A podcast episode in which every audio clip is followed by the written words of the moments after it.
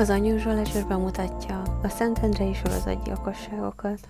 1947. augusztus 17-én egy hattagú csoport kirándult a Szentendréhez közeli Bölcsőhegyen. A Lajos forrástól nem messze található kékvízű forrásnál megálló csoport egy félmeztelen fiatalemberre lett figyelmes, akivel szóba elegyedtek. A fiatalember egyáltalán nem beszélt magyarul. A túlélőknek a rendőrségen felvett későbbi vallomásai szerint azt állította, hogy egy német SS katona aki egy németországi hadifogolytáborból szökött meg, és társaival Magyarországra jöttek kóborolni. Ezután ugyancsak a fennmaradt vallomás szerint a magyarországi viszonyokról kezdett érdeklődni, majd minden előzmény nélkül fegyvert rántott elő, és megpróbálta a társaság két tagját lőni. A támadás során Benke Lajos holtan ragyott össze, és a felesége is életét vesztette. Az első korabeli sajtóhírek arról szóltak, hogy az asszony szívrohamot kapott, de a boncolásnál az ő testén is találtak sérülést, ami a halálát okozhatta. A kiránduló társaság többi tagja a korabeli sajtóhírek szerint Kis Gyula és nőismerőse Palánkai Ilona, valamint Pribil Károly vízvezetékszerelő és a neje. Túlélték a váratlan támadást, és az egyikük védekezésképpen a fokosával a merénylő felé sújtott, mire az elmenekült. A megriadt kirándulók a Szentendrei rendőrkapitányságra mentek, és jelentették az esetet. A Szentendrei kapitányságra augusztus 18-án újabb gyilkosságról szóró bejelentés érkezett. A Pilis Szent Lászlóhoz tartozó Bükki pusztán található Bórai birtok fészerében. A tulajdonos holtan találta a birtokon állatokra vigyázó fia baráti társaságának négy tagját. Az öt fős fiúcsapat utolsó életben lévő tagja egy súlyosan megsebesült fiatalember volt, aki halála előtt még személyleírást adott a birtokon vérengző férfiról. A személyleírás megegyezett a bölcsőhegyi gyilkosság elkövetőjének személyleírásával. A gyilkosok felhajtásával Münik Ferencet bízták meg. A rendőrség, a szovjet hadsereg és a magyar karhatalom nagy erőkkel körülzárta Szentendrét, és megkezdte a feltételezett elkövetők felkutatását. A rendőrség kommunikációjában a kezdetektől megjelenő koncepció szerint környező hegyekben egy SS szabad csapat bujkál. A kutatás során az erdőkre, horhosokra és barlangokra koncentráltak. A Macskajuk nevű barlangban állítólag találtak is hátrahagyott fekhelyeket és lőszerkészletet. A környékbeli falvakban számos beszámolót hallgattak meg a hegyekben elrejtőzött fasiszta ellenállókról és hazafele tartó szökött német hadifoglyokról, akik időnként megjelennek a lakott helyeken és a lakosságot fenyegetik és élelmiszert követelnek. Ezen beszámolók később hamis nyomnak bizonyultak. A hatóságok nem bukkantak fegyveresekre a hegyekben. A sajtóban többször is megjelentek olyan híradások, hogy a rendőrség jó nyomon jár, és a tettesek elfogása pusztán órák kérdése. Illetve azt is írták, hogy már el is fogták a gyanúsítottakat. Egyes újságok arról számoltak be, hogy az SS és a magyar rendőrség között fegyveres összecsapás is volt. Ezen értesülésüket azonban később rendre száfolták. A kutatás néhány nappal később kiterjesztették a Duna balpartjára is, ami nem hozott eredményt. A következő napokban, hetekben országszerte megszaporodtak a kóborló német csoportokról szóró híradások, SS szabadcsapat felbukkanásáról érkezett hír, Kemenes hőgyész és Békás, illetve Rákospalota és Fót határából.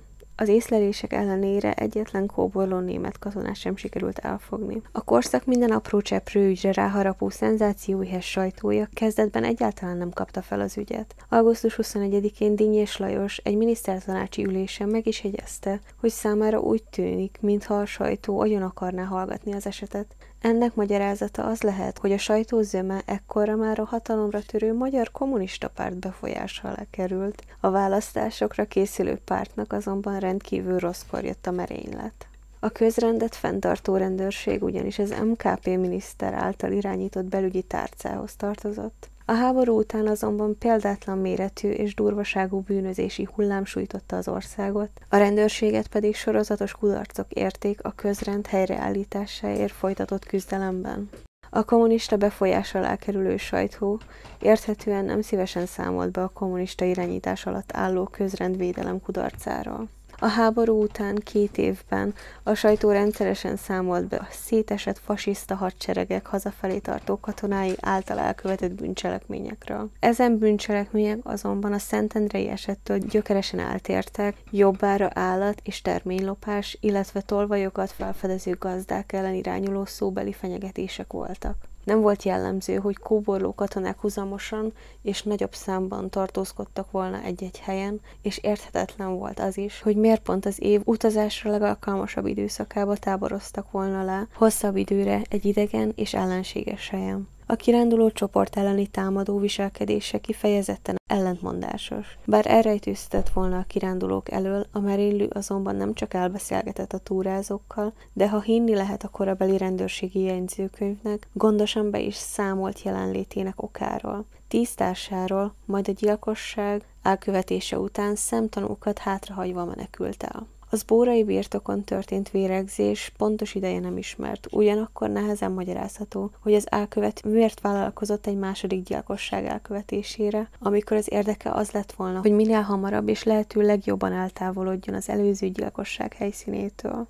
Egy alkalommal a sajtóíróta beszámolt arról is, hogy a hatóságok azonosították a tetteseket, azonban személyleírásokat és nevüket sem akkor, sem később nem tették közzé. A gyilkossági ügy lezárásáról kevés tudható, az ügyben bírósági per nem zajlott, ítéletekről, a tettesek elfogásáról a sajtó nem számolt be. Mindössze 19 évvel később egy újságcikkben volt olvasható utalás arra, hogy az elkövetőt utolérte a törvény. A gyilkosság sorozat azóta csak nem teljes feledésbe merült. A korabeli propaganda által súlykolt német szállal ellentétben helyi lakosok visszaemlékezései, valamint több más adat között a rendőrségi források szerint is gyilkosságok elkövetője valójában egy egyesek által állítólag személyesen is ismert Vasil nevű kozák vagy ukrán származású ember volt. Vasil egy szovjet katona lehetett, és ezt a verziót erősíti az a tény is, hogy a hatóságok végül soha nem adtak hírt az illető elfogásáról. Mi több, az első körözési felhívásban még a rendőrség orosz legénységi egyenruhába öltözött lábtekercses elkövetőt keresett. Így több mint valószínű, hogy a hatóságok kezdettől fogva tisztában voltak azzal, hogy nem német, hanem szovjet elkövetővel állnak szemben. Arra azonban politikai megfontolások miatt gondolni sem merhettek, hogy ezt tudassák a nyilvánossággal.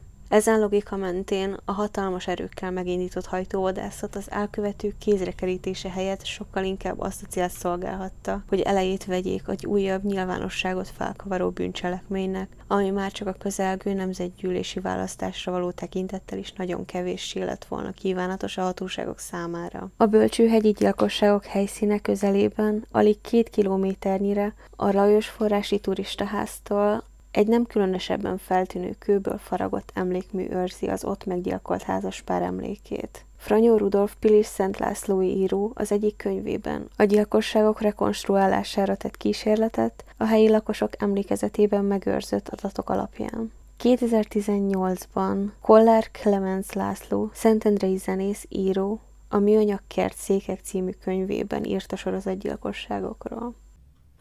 Köszönöm, hogy velem tartottatok ebben a részben is, ne felejtsetek el feliratkozni a csatornánkra, és követni minket a közösségi médiákon. Nézzetek fel a weblapunkra, ami www.unusualledger.com, és jövő hét csütörtökön újra találkozunk. Sziasztok!